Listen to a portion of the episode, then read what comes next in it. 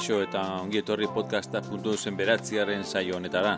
Hemen Euskaraz ekoizten diren podcastez arituko gara, podcastak eta beraien ardudunak ezagutu, nola eta zer egiten duten ikasi, zergatik hasi diren, zen grabak eta sistema eta baliabide erabiltzen dituzten, baina baita podcasten munduaz orokorrean izan ere Euskarazko podcastak urtan bat baino gehiago dira podcasten ozeano zabalean. Ni egoiz litasun hau eta hau zuen podcasten txokoa duzue, Euskaraz bintzo diren podcasten txokoa. Rest, igo volumena.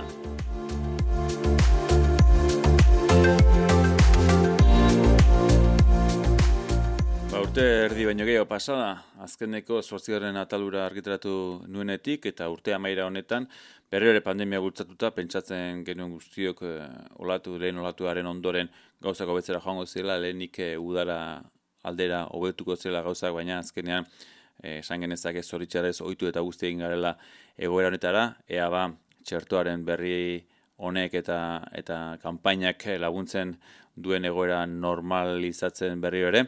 Kontua kontu, ba, ez du da laukerarik izan eh, podcasta.euseko beratzen atalau lehenago eh, prestatzeko eta argitaratzeko, eta espero du, ba, mendik aurrera ala egitea. Gaurko podcast honetarako aitzakia politak eh, ditut eta eduki interesgarek, bueno, nire ustez bintzat interesgarri izan dakizkizuenak. E, aldetetik, esan, ba, bi edabidetan e, azaldu garela, edo azalduko garela, izan ere, aizu aldizkaritik elkarrezta egin zidaten orain bi iruazte, eta urtarrilean argitaratuko dute ba, elkarrezta horretan aipatutako kontutxoak, eh, podcasta.eu zen inguruan beti ere. Eta bestea, ba, pasan igandean eh, abenduaren hogeita zazpian, urte amaira honetan, ba, amara saioan, eh, eh, gorka otaegi aurkezten duen saioan, bertan eh, Jose Rojas eta maitane goini dira kolaboratzailea, eta gizuen moduan el teknologia eta bestelako kontuen inguruan aritzen direlarik, e, digital horretan, ba, oier arantzabal, elkarreztatu zuten, podcast filia eh, ekoizpen etxearen ordezkari moduan edo ardu moduan eta nola ez podcasten inguruan. Baina aranon eta bueno ba, podcast honen e, azalekoa entzunga izan zen e, podcasta.eus ere mintzaga izan zen eta pentsatu dut e, nola zirrikitu hori aproetxatu eta neuk ere elkarrizketa horretan eh, parte hartzea. Zergatik, bueno, ba, ba gauza asko eh, esan zituztelako, eta neuk ere badute iritzi horren inguruan, eh, esan bezala iritzi e, kontra jarri zen beste batzutan oso ados, esan dutuen guztiarekin, baina hori, e, pentsatu dut audio horiek e, berezkuratu, eta horien inguruan iritzia ematea, eta bueno, ea podcast txukun baten geratzen den, eta era honetan, nolabait ba, informazio gehiago ere zuen eskura jartzeko e, gai nahi edo bintzat asmo horretan izango natzaizue podcast honetan. Besterik gabe, ekingo diogu beraz elkarrez eta desberdin honi. Ze irratiak bizirik jarraituko du, naiz eta askotan hil duten, irratiak bizirik jarraituko du, eta gainera formatu berrietan.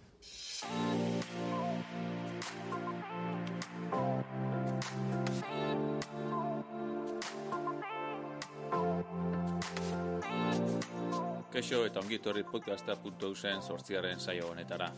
Hemen Euskaraz ekoizten diren podcastez arituko gara, podcastak eta beraien arduunak ezagutu, nola eta zer egiten duten ikasi, zergatik hasi diren, zen garak eta sistema eta baliabide erabiltzen dituzten, baina baita podcasten mundu azorokorrean, izan ere Euskarazko podcastak urtan bat baino gehiago dira podcasten ozeano. Egoitz lizaso ari gara entzuten podcastak.eus, Euskaraz mintzo diren podcasten horri aldea kudeatzea zarduratzen da bera, eta horri aldean sartu eta bertan ba, podcast bat egin ondoren azaltzen digu, salean nola mugitu dezakezun, nola igo dezakegun, eta bueno, podcastak, podcasten mundua. Eskerga esko gorka aipamenagatik eta posten gara, e, proiektuak interesa sortu izana. Baina podcasta irrate 2.0 aldira, haumen maiteren erantzuna.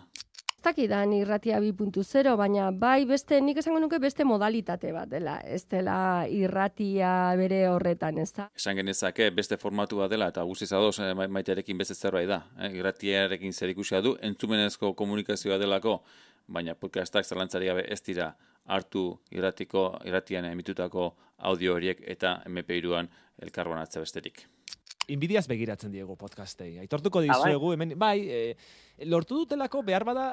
E, Binipe interesgarria, irrati kastariak airean, irrati bidez esatea podcasta enbidia diela, ez? Eh, target edo publiko konkretu bat erakartzea. Gazte bai. jendea, ez? Amabos, tamasei, amazazpi, emezortzi, hmm. hogei urte bitarteko gazte horiek, askotan eh, oso zailak izaten direnak erakartzea, bai irratia bezalako medio tradizional batera, eta podcastek bete-betean lortu dute. Bete-betean lortu dute, egundoko arrakasta dute jendea eh, erotuta dabil podcastak entzun eta entzunez, batez ere gazte jendea, zein da sekretua hoier? Nola lortu dute gazte jendea erakartzea? Eh, horrelako audio bidezko formatu batera, ze, karo, e, mila aldiz esan ziguten bere garaian etorkizuna bideoa zela, eta berriz ere demostratu dugu audioak ere utxutxean egundoko indarra duela. Aurrera gara ipatzen da ez, baina gehien bat gorkaren e, zalantza edo kezka, ez, gazte jendearen ganda, ez, irrati tradizionala ez dutela entzuten, eta akaso hori da estrategia duten irratiek, ez, MP iruan, ba, eskuragai jartzea, berain irratxai, baina nik uste dut eh, podcasta beste zerbait direla, bai badauka erakarpen bat e, gazte jendearen zat, orokorrean, ez, teknologia edo komunikatzeko berak aldatzen doazelako, eta podcasta badu zentzua e, mundu horretan edo egoera honetan. Eta bestalde ez hori bakarrik e, eta bideoena jartzen zuen baina ez hori bakarrik ze eduki ez? Alegia e, eta gero aipatuko dute behin eta berriz e, youtuberen kontua ez? Zerratik goaz youtubera edukiak kontsumitzera? Ba, ditu, ditugun edukiak ez soilik on demand aipatuko dute hori ere jartzen dituztelako, baizik eta gu nahi ditugun edo momentuan behar ditugun tematika horien edo zalantza horiek argitzeko puntua direlako eta podcastak horretan zalantzari gabe izarrak dira. Hainbat faktore daudela e, eta eta hori ba nahierako plataformetan eta nahierako edukiek badaukate beraien baitan e, e, ezaugarri, hainbat ezaugarri e, edukia bera baldintzatzen dutenak eta narrazio molde berriak egitea ehalbidetzen dutenak. Eta hor... Gaia eta edukien inguruan nola planteatu ez podcasta egiterako garaian, ba, bueno, ba, baduka bere garrantzia oiarrega epatuko duen moduan, baina bai irutzen zait garrantzitsuna dela ze tematika, ze gai lantzen diren eta zein den interesgarri podcast bakoitza. Ba, estatu batuetan egonda olako loraldia hundiena eta, eta esan dezagun garatuena bertan dagoela podcast gintza. Ez zai gustatzen gehiagia, eh? estatu batutara begiratzea, ze bi gauzaz desberdindu behar dira. Eta loraldia ez adipatzen duenean e, oierrek dio gehien bat industriaren inguruan, ez? E, gero hitz egingo da e, profesionalizazioaren inguruan, baina podcast gintza berez ez du zertan o podcast gintza berak ez du zertan profesionala izan behar. Eta nik uste zentzu horretan, estatu batuetak beste dozein herrialde bezain e, aurreratu edo atzeratu izan daitekela, alegia Euskaraz ere podcastak egoizten dira. Edukietan, narrazio molde eta eta formatu berriak ari sorten oso freskoak, ez daudenak e, baldintzatuta e, bajario konstante batean. Bueno, podcasten inguruan orokortzea zaila da, ez? Eta batez ere, ba, bueno, en, izan lako literatura inguruan edo edo fikzio kontaketa baten inguruan hemen egin dituzten moduan e, edo edo bestesten baitek, baina bestalde asko dira gaien inguruan eta iritziak ematen inguruan. Eta nik uste dor, ba, ez dagoela hainbeste lanketa, ez da ez duela zertan horren beste lanketa izan behar, ze izan ere elkarrezeta kontuak edo jende e, famatu elkarrezetatzeak erakar, erakar pena handia duela esango no esango nuke. Eta beste denboraren ere zalantzan, izan ere bai orokorrean podcasta e, atemporala dira, ez? Nahi dugunean entzuten ditugu, baina asko eta asko ikusten dira e, zuzenekoak, eh, podcastak zuzenean grabatzen denak, gehien bat feedback horren bila, ez, entzuleak e, bere momentu horretan ere e, parte hartu dezan, ze askotan hori da kritikatzen dena edo zalantzan jartzen dena, Iratsa guztian zer ez dute horrelako hori aipatzen, baina bai faltan botatzen da askotan e, entzulearen eh, parte hartzea, eta ze podcasta bere e, o definizio esan genezake e, audioa grabatzen dugu, zintzilikatzen dugu, eta ez dago entzulearik alegia podcasta egiten duenak egileak plazaratzen duen zentzu norabide bakarreko e, komunikazioa baita. Ez, ba, irratiak edo telebista tradizionalak daugaten jario konstant hori, zuzeneko hori, bide batez garrantzitsua dena eta eta nire ustez e, ba, garrantzitsua izaten jarraituko duen aurrerantzean ere, ba, podcastintzak ematen du aukera e, aztertzeko beste modu batu kontatzeko, gehiago lantzeko edizioa, gehiago pentsatzeko, gehiago e, kreatiboagoa izateko behar bada, ez da? Sortzaileagoa edo izateko, nola baita izateko? Eta, hainbeste, ez dago hainbeste presa, ez dago hainbeste, o sea, denbora zuzu lotu behar, ba, ordu erdira, ez? Ja, egin, egin dezakezula saio bat, eh, podcast baterako bost minutukoa, eta beste bat amabostekoa, beste bat hogeita bikoa, ez? Hori da. Askatasunez, ez? Erabateko askatasuna audioarekin nahi duzuna egiteko. Hori podcasta.eusen eh, podcast hauetan ere antzematen duzu, eh? izan ere batzuk laburragoa dira eta bestatzuk luzeagoa dira, ba, egoerak eskatzen duenaren baitan. Eta izan seguru saio hau ba, besta baino luzeagoa izango delako egoerak ala eskatzen baitu. Ez dakit adibide Bai. batzuk ekartzerik baduzun. Estatu batuetan dagoen podcast sukar horren Berriro estatu batuak, batzuk, en fin. eh, guk ikustezagun eh, zertaz ari Bai. garen. Bai, bueno, badira, hainbat, eh? E, exito eh, handia izan dute seriek, dokumen, serie dokumentalek, e, ba, bueno, batzutan true, true crime generoan sartu ditzakegunak, ba, serial bezala, serial izan zen 2014ean e, ba, estanda egin zuena eta podcast gintza pixka dirauli zuena, hori This American Lifeek ekoitzitako Serial. podcast, Podcast hau fikzioan inguruan eh, kokatuko genezake ez, eh, hor irratz, irratitan izaten ziren kontakizun edo serie horien tankera, ba, bueno, ba, podcast formatuan ateratakoak, era, era bateko podcasta dira horiek. dira hainbat, eh, bueno, ba- bater, bateren bat fikziozkoa, gero gainera ikusentzunezko bihurtu du- dutena, Amazonek erosi zuen adibidez eh, Homecoming, Gimletek ekoitzitako podcast bat, serie bat, eh, ikusentzunezkoa, eta eh, Julia Robertsek eh, protagonizatuta egin zuten eh, ba, ikusentzunezko berzioa. Eta gero ba- badira adibidez eh, oso oso ederra da, eta eh, iruditzen zait, eh, ba, ba, Euskadi Irratiak eh, ondo egin izango lukela, eh, New York Timesek egiten duen The Daily bezalako podcast bat. Eh, egunero, egunero, gai bat hartu eta hogei, hogeita bost minututan, ba, gai hori eh, erpin ezberdinetatik edo egi ezberdinetatik kontatzen digute. Oiar jartzen den beste adibidea, ba, ikusten duzu ez, eh, komunikabide batek ateratzen duen eh, podcast eh, konkretu bat, egunero, gai baten inguruan hitz egiten duena, eta berriro ere ez, aurruko lotuta, fikziozko eta gero serie bihurtu den podcast baten inguruan aipatzen zuen moduan, ikusten duzu ez, e, oierrek eta hor pixkat desberdintzen naiz, izan ere, ba, ikusten du profesionalizazio baten ikuspuntutik ez, industriaren ikuspuntutik, eta nire ustez eh, podcastaren parte bat da e, industrializatzea, e, monetizatzea, nolabait ba hori ez, produktora ikuspuntutik ikusten dio eta ari dela oier hitz egiten, eta benetan podcast gintza zerbait gehiago da, eta eta nik uste eremu zabalago batean hartu beharra dagoela, ba, blogariak eta berriak ez, aipatzen zuen momenturen batean, ba, bueno, hor, hor desberdintasunak dauden moduan podcastek, bere, badute beren leku ez dute zertan, zerbait e, profesionala izan beharrik, eta badirudi ba, oierreko hor nahi duela ez, podcast filia honekin, ba, nolabait komunikabideen gana jo, eta gai izan komunikabide horien parte, ba, koizpenen bat egitea, bueno, bakoitzak eh, bere, bere, berak nahi duen egin dezala. Eta tematikaren aldetik, zer nolako gaiak aurki ditzakegu podcast horietan, adibidez estatu batuetan? Eta nazkatuko gara, Estatu estatu Batuetan batuen dago. inguruko referentzia Eh, entzuteaz. Estatu batuetan hain dago Bai. garatua podcast gintza, ba, ba, bitu, txakur bat ekarri behar zu etxera, bilatezu e, gai hori, eta topatuko duzu a- hogeita magost, e, berrogeita mar podcast oso on, e, ba, txakurra nola zaindu eta nola erakutsi. ez? Mhm. Eta era berean arrantzaren inguruan abezu, ba, beste hainbat podcast egongo dira, edo teknologiaren inguruan, beste hainbat, ez? Ba, Behar da hori izan daiteke bai. sekretuetako bat, ez da, e, aukera eskaintzen duela, eh, adibidez, irrati generalista batek eskain dezaken aukera baino zabalagoa, eduki oso, oso, oso, oso espezializatuak egiteko, beti izango dutelako beren publikoa, naiz eta txikiagoa izan, behar bada. Eta hori da lehen aipatzen nuena, alegia, gai konkretuak ez da, e, bakoitzak ditugu mm, hobi edo, edo behar eh, konkretu batzuk, eta momentu horretan, ba, baude podcast batzuk, gai direlako komunikazio goki bat emateaz gain, ba, eduki e, konkretu hori eh, eskaintzeko. Eta esango nuke, eta ez dute aipatzen erretza guztian zehar beste puntutxo bat baita ere, izan ere, e, gertutasun bat, badago nolabait ez, e, podcast gintzaren inguruan, ba, ez bitartez e, gertutasun bat antzematen dugu moduan nolabaiteko binkulu baten uste sortzen dela entzule eta eta ekoizlearen artetik. Beraz, ba, bai, zalantzarik gabe, eh?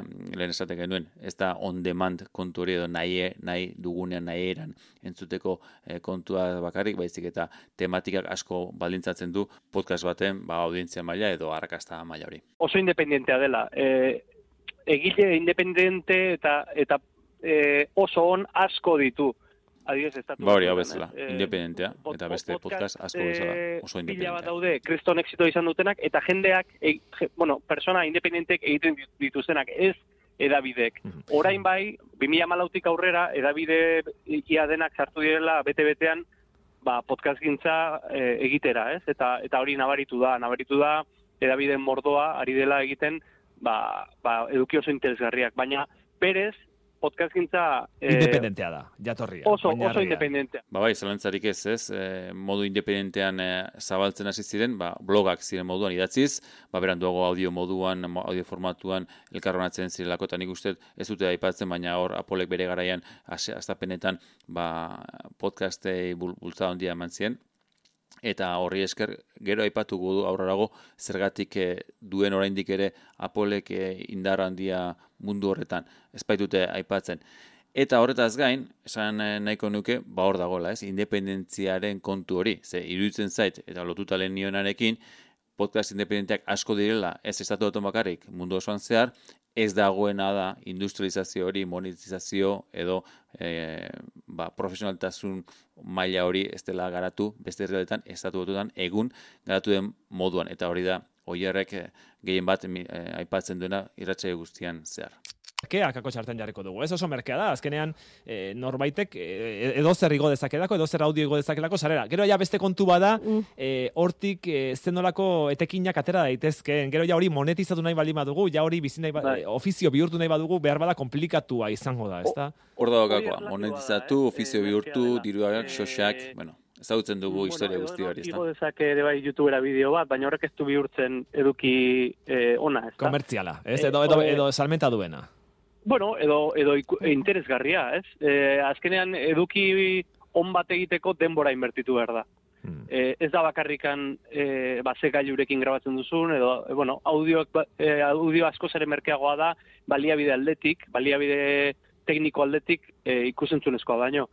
Baina zerbait ona egiteko denbora pasatu behar da, gidoia egiten denbora pasatu behar da, edizioan denbora pasatu behar da, pentsatzen, eta horrek ba, bueno, ba, modu e, profesionala egin nahi balin baduzu, ba, ba, bere kostea ditu. Aipamen honetan gauza asko uste, uste dituzte albo batean nire iritziz. Eh, izan ere, e, bai, kontzeptualki gorkak dioena ala da, ez, merkea dela, eta nik ez duke ukatuko, eta eta bestaldik arrazoi du oiarrek ere, ba, audio kalitate bat edo edukia bera e, osatzeko garaian, ba, denborak eta prestakuntzak ba, bere balioa duela, ezta.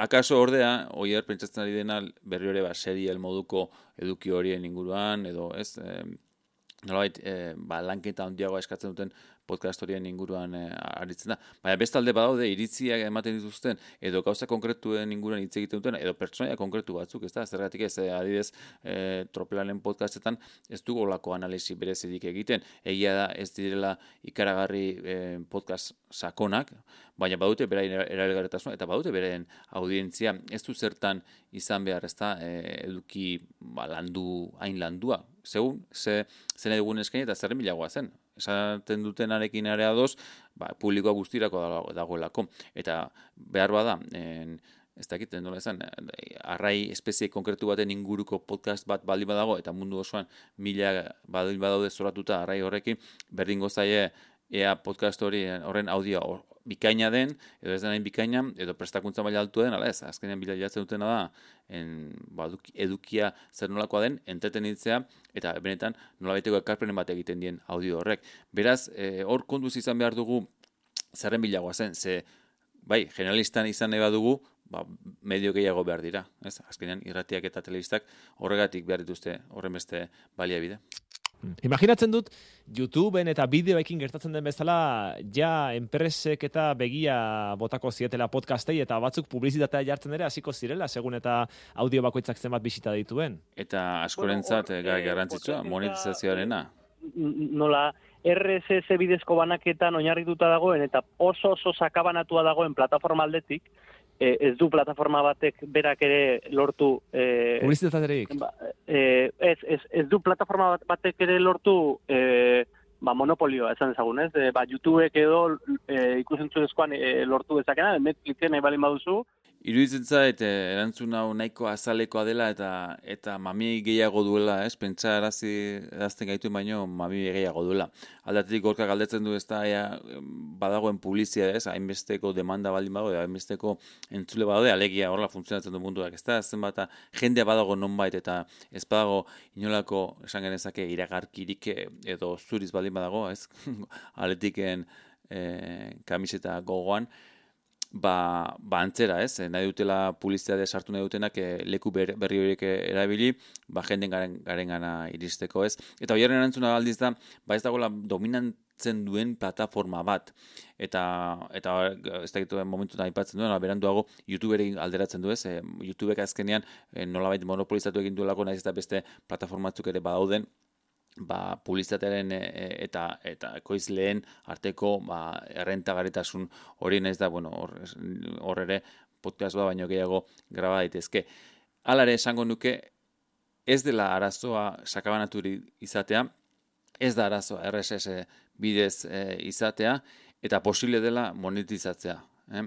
kontua da, ba, eta orain bai jarriko naizela podcastak.eusen filosofiaren barruan, ba, euskerazko edukiak izanik, ba, hor behar ba, zailagoa dela publizitatea lortzea, baina bueno, e, apuntatzen dut, eta horrengo amargarren saioan, e, itzen baten dizuet, honen inguruan, e, itze dugula, eta, eta bai, e, seguro interesatzen zaizula. Baina, nioena, eh, ez nago guztiz adoz e, dominatzearen kontu horrekin, eta ez zertan dominatu beharra izate, o, dominatzailearen bat izateak, ba, benetan e, monetizatu alizateko podcast gintza. Hala ere, e, ba, estatu batuetan badago iragarri. bai, berri ere estatu batuak. Geroz eta gehiago, eta geroz eta diru gehiago zentzu horretan. Hemen orain garatu gabe dagoen industria bada. Hemen diote Euskal Herrian, e, Frantzia edo Espainia estatuan garatu gabe dagoen industria bada, baina, bueno, zantzu batzuk badaude pentsatzeko, ba, ba pixkanaka hasiko dela. Eh? Lehen esan dakoa, dioenean oierrek garatu dagoela, esan nahi du, ez dago dela produktoreak edo ez dela produkto bat podcasta egun, e, horren inguruan, ba, bideo egintza edo ez, serie egintza edo saio egintza telebistarako egiten diren moduan, ez dela egun hori martxan jarri edo ez dela nolait esplotatu, hori da burua izan behar dugula. Horrek ez du esan nahi, e, entzungai diren podcastak ez direnik e, errentagarriak. Ez dakit, munduan jende asko dago podcastak egitetik bizi dena, edo bizi daitekeena, ze aipatu duzu publizitatea behar bada, mm, ez dela hain, eh, hainbeste sartu mundu horretan, hmm. badago podcastak egitetik bizi den jendea. Mundu mailan bizi, bizi dira podcast gintzatik, industria, eh, oiarra batzen industriatik, kanpo ere. Eh, nik uste hori garrantzitza dela alegia lehen independente edo indi horiek esaten zutena, zu, zu, e, aipatzen zuztenak, ba hori bai, e, ba haude zenbait, ba audientzi maila altu dutelako, eta nola bait, ba YouTubeen daun jende, jende hori ez, edo influencer horiek nola markek edo etxek ematen dizkieten e, gailuak eta gauzak erakusteko, ba bueno, era berdinean, ba podcastean ere badago olako movimendu bat eta independente horiek. Orain, e, oierritz egiten ari dena da, gehiago, ba ekoizpen e, pribatu edo publiko pribatu pribatu edo demandapean egindakoa hori beste kontu da. Beraz, nire ustez Euskal Herrian zaila izango da, audientzi maila altua berdirako ba independenteki e, bizializateko podcasten inguruan, aldiz ba hoiare planteatzen duen produktura bitartez, ba kaso egunen batean, baina irutzen zaila izango dela, niona audientzi maila oso bajoak izango dilako beti ere euskeraz e, gure herrian zoritxarrez ekonomikoki errentagarri izateko.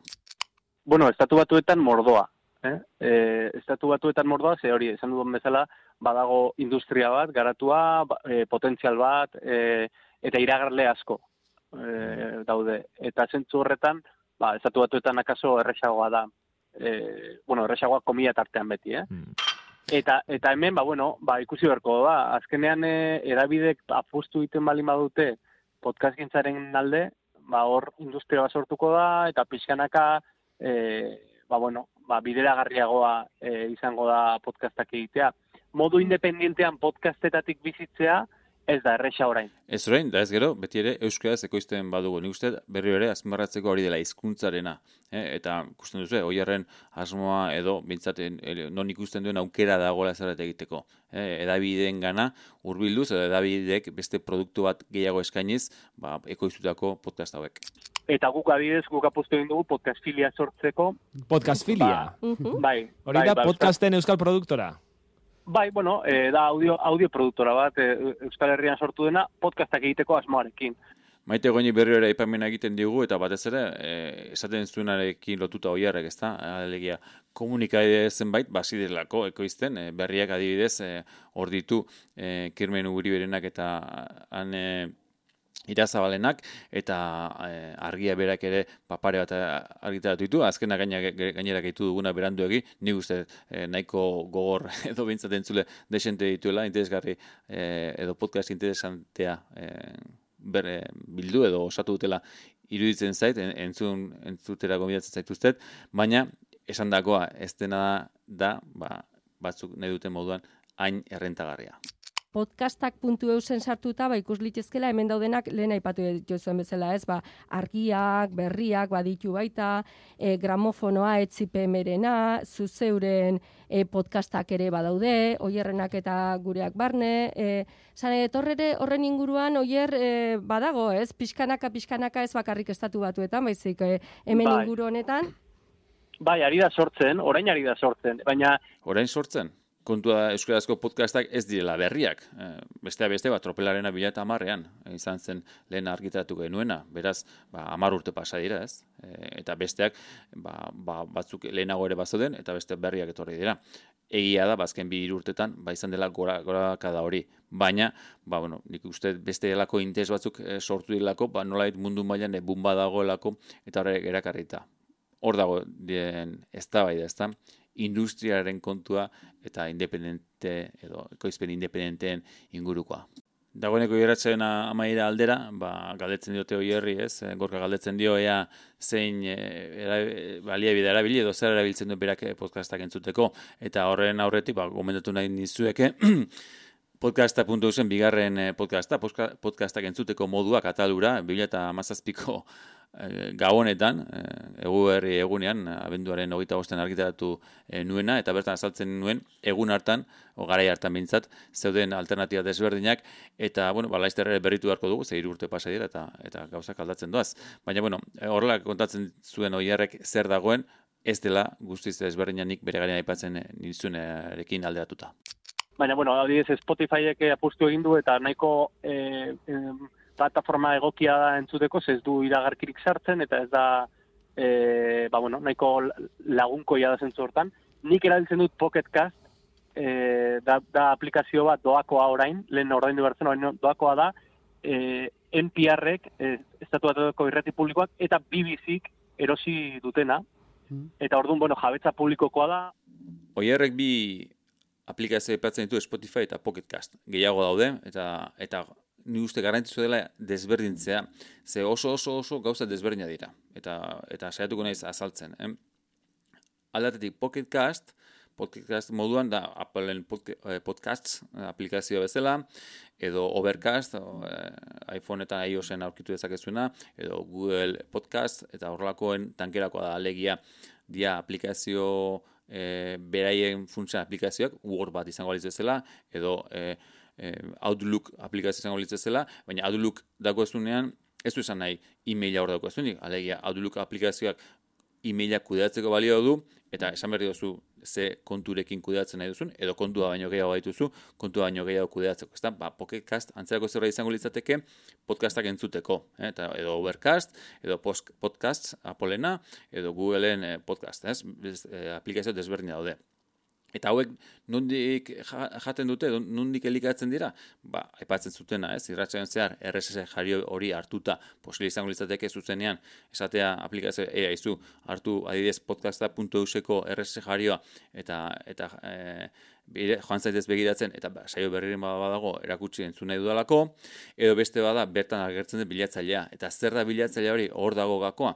Bilatzailea normalean, normalean, da e, Apolek duen e, podcasten bilatzaile bat, ze hau nioen moduan kasi gaztapenetatik dago eta Apolek indar berezia jarri zuen bere garaian horren inguruan eta hori da datu baserik handiena, alegia gaur egun podcasta baldin baduzu Apol, Apoleken datu basortan izan behar duzu, izan ere aplikazio gehienek, euniko lau eta esango nuke, hortik elikatzen e, aplikazio gehienak hortik elikatzen bai dira. Beraz, aplikazio baldin bada podcast kasu honetan, edo Overcast, edo aipatzen dizkizunak, berri diotzuet, gomendatzen dizuet e, podcasta.usen bigarren sai hori entzutea, ba, hortik elikatuko litzateke. Vale.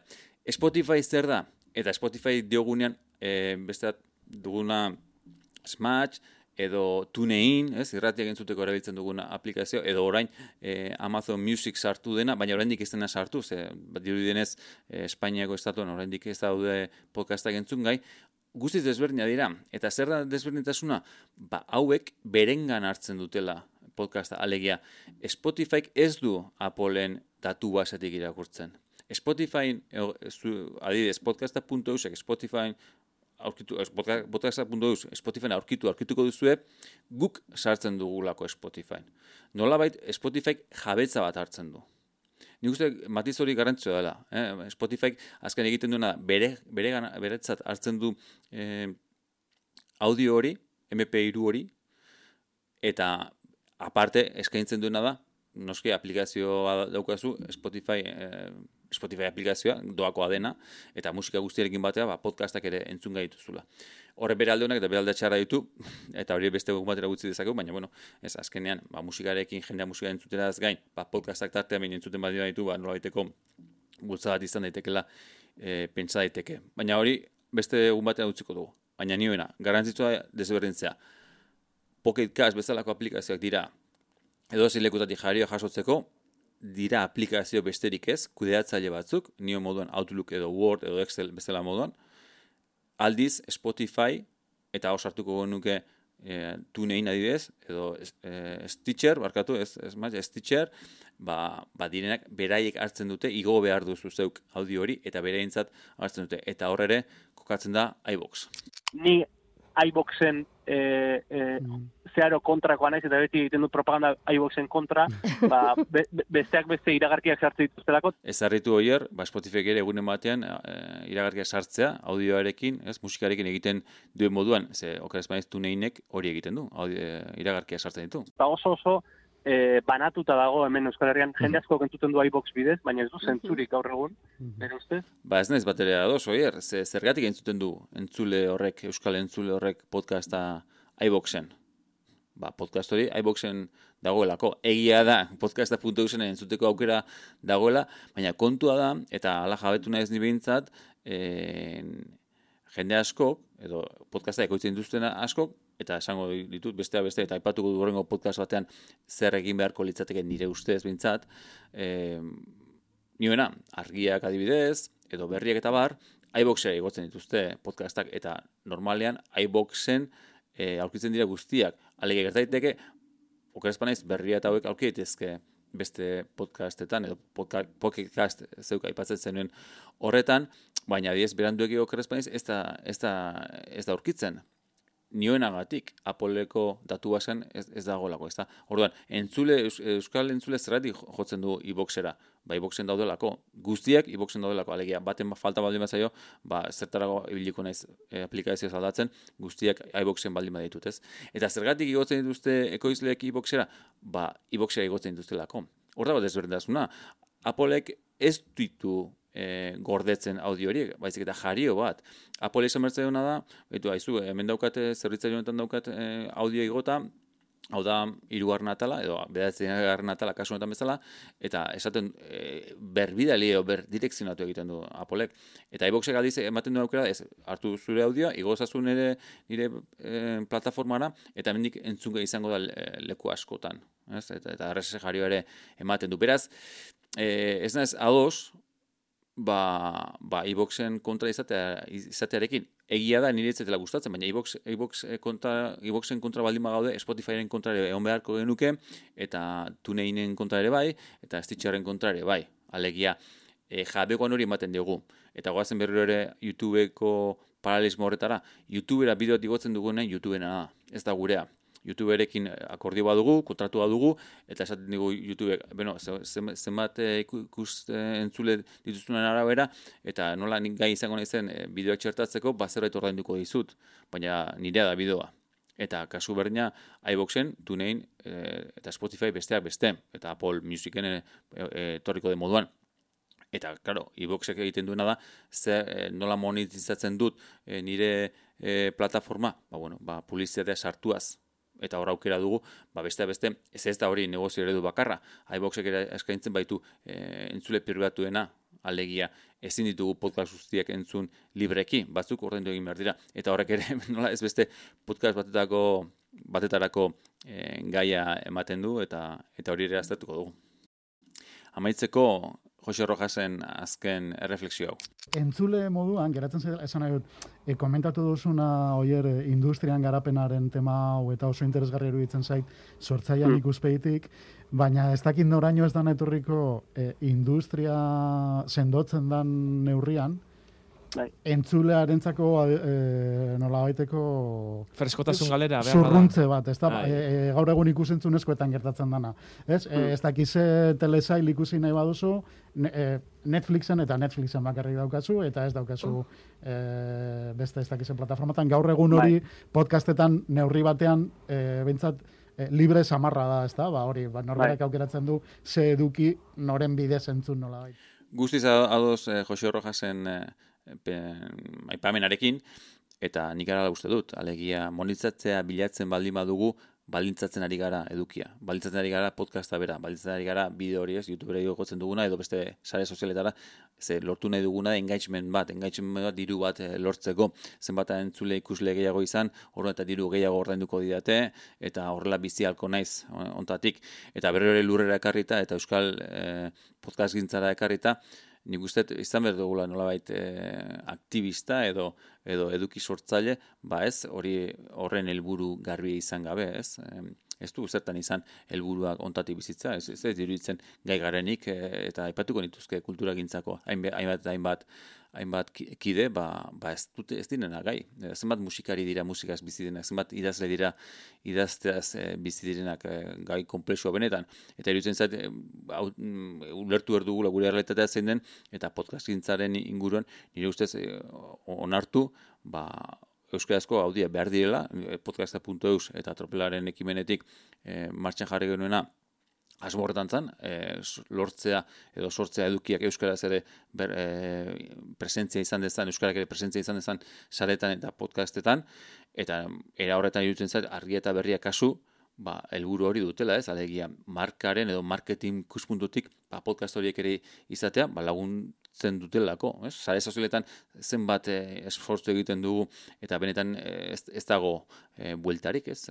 Marketing puntu ikuspuntetik. Beraz, irutzen zait badela eh, horrela pentsatu beharreko alegia, ez zaigu komeni, nire ustez, nire iritziz, ez zaigu komeni gehiagi industrializatzerik eh, podcast bintzat, euskaraz, gaztelanieraz, eh, ingelesez, italieraz, bueno, ba hori, bere jaino dute egon dira saiakerak e, ba, monopolizatzeko edo, edo kontrola hartzeko, baina ez da, ez da lortu. E, ez, ez da lortu e, RSS bidezko manaketa delako eta oso zaila delako kontrolatzen orain. Berriro ez nago oso ados, RSS bidez da orain, baina guztiok iboxe jotzen badu, ba, ez da RSS bidez, iboxenak izango dira. Eta igotzen badu guztiak, guztiok eh, Spotify, ba, Spotifyenak izango dira, eta ez dira RSS bidez izango, edo TuneIn, eta Stitcher, eta bar, eta bar. Beraz, saiakerak ez, eh, egun errealitate bada, hori egiten saiatzen ari direla, egiten ari direla, saiatzen ez, egiten ari direla, ez. Eta nolabait, zenbait podcast ter, esango dugu, ba, itxutzen ari direla, ba, bideo horiekin, eta nik uste posible dela, edo es, posible dela ez, gure em, bidetako bat edo gure helburutako izan behar dela independentzia hori mantentzea. Eh? Eta ni hemen audio bat grabatzen ari baina ba, nik benetan petxatzen dudana esatea, esatea eta eta iratzea eta komunikazio zuzen bat izatea, ez balintzatu komunikazio bat, ba orokorrean askotan zoritxarrez gertatzen den moduan. E, plataforma handiak ari dira pustu egiten ez e, e, kontrola hartzeko baizik eta eduki e, esklusiboak sortzeko. Mm alegia, Spotifyek sortitu bere eduki esklusiboak, eta horrela nahi du, zuk Spotify erabiltzea erabili beharrean mm -hmm. Hori da. Ze, ze, bertan topatuko dituzu Pocketcasten dauden guztiak, gehi bere esklusiboak. Netflix egiten ari dena bere filmekin, eh? Eta horrela, lehen aipatzen duen moduan, pixkanaka, pixkanaka, RS bidezko jari horiek ezabatzea, eta guztiok, erabiltzaile guztiak hor jartzea, eta horrekin lortzea, basaten duena, ez, erabiltzaileek nola ez duten aldatuko, ba, ja oitu direlako plataforma horiek erabiltzera, ba, besterik ez erabiltza. Beraz, nik uste hor komunizia egula, e, berri ere industria honen inguruan e, hausnarketa txiki bat egitea, gauzak garbi izatea, eta diodana, e, urteetan kulturgintzako jendea, musikagintza, idaz, idazleak, antze, antzerkilariak, e, antzesleak, eta bar, eta bar, ez badira gai izan, edo oso gutxi izan badira gai, e, horretatik bizizateko, serio, pentsatzen dugula, guk euskaraz podcast gintzatik bizitzea.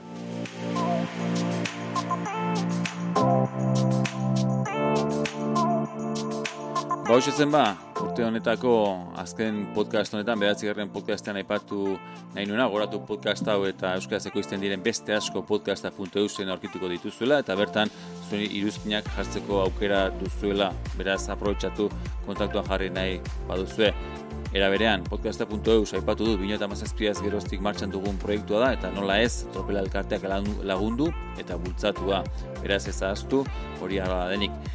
Esan bezala, blogean, alegia, webunean, zuen iritziak jartzeko aukera duzue, ala ez baduzu nahi eta kontaktua jarri nahiko bazen dukete, podcastak abildua podcastak.eus imila duzue, eta sare sozialetan aktiboena duguna Twitterko kontua da abildua podcastak.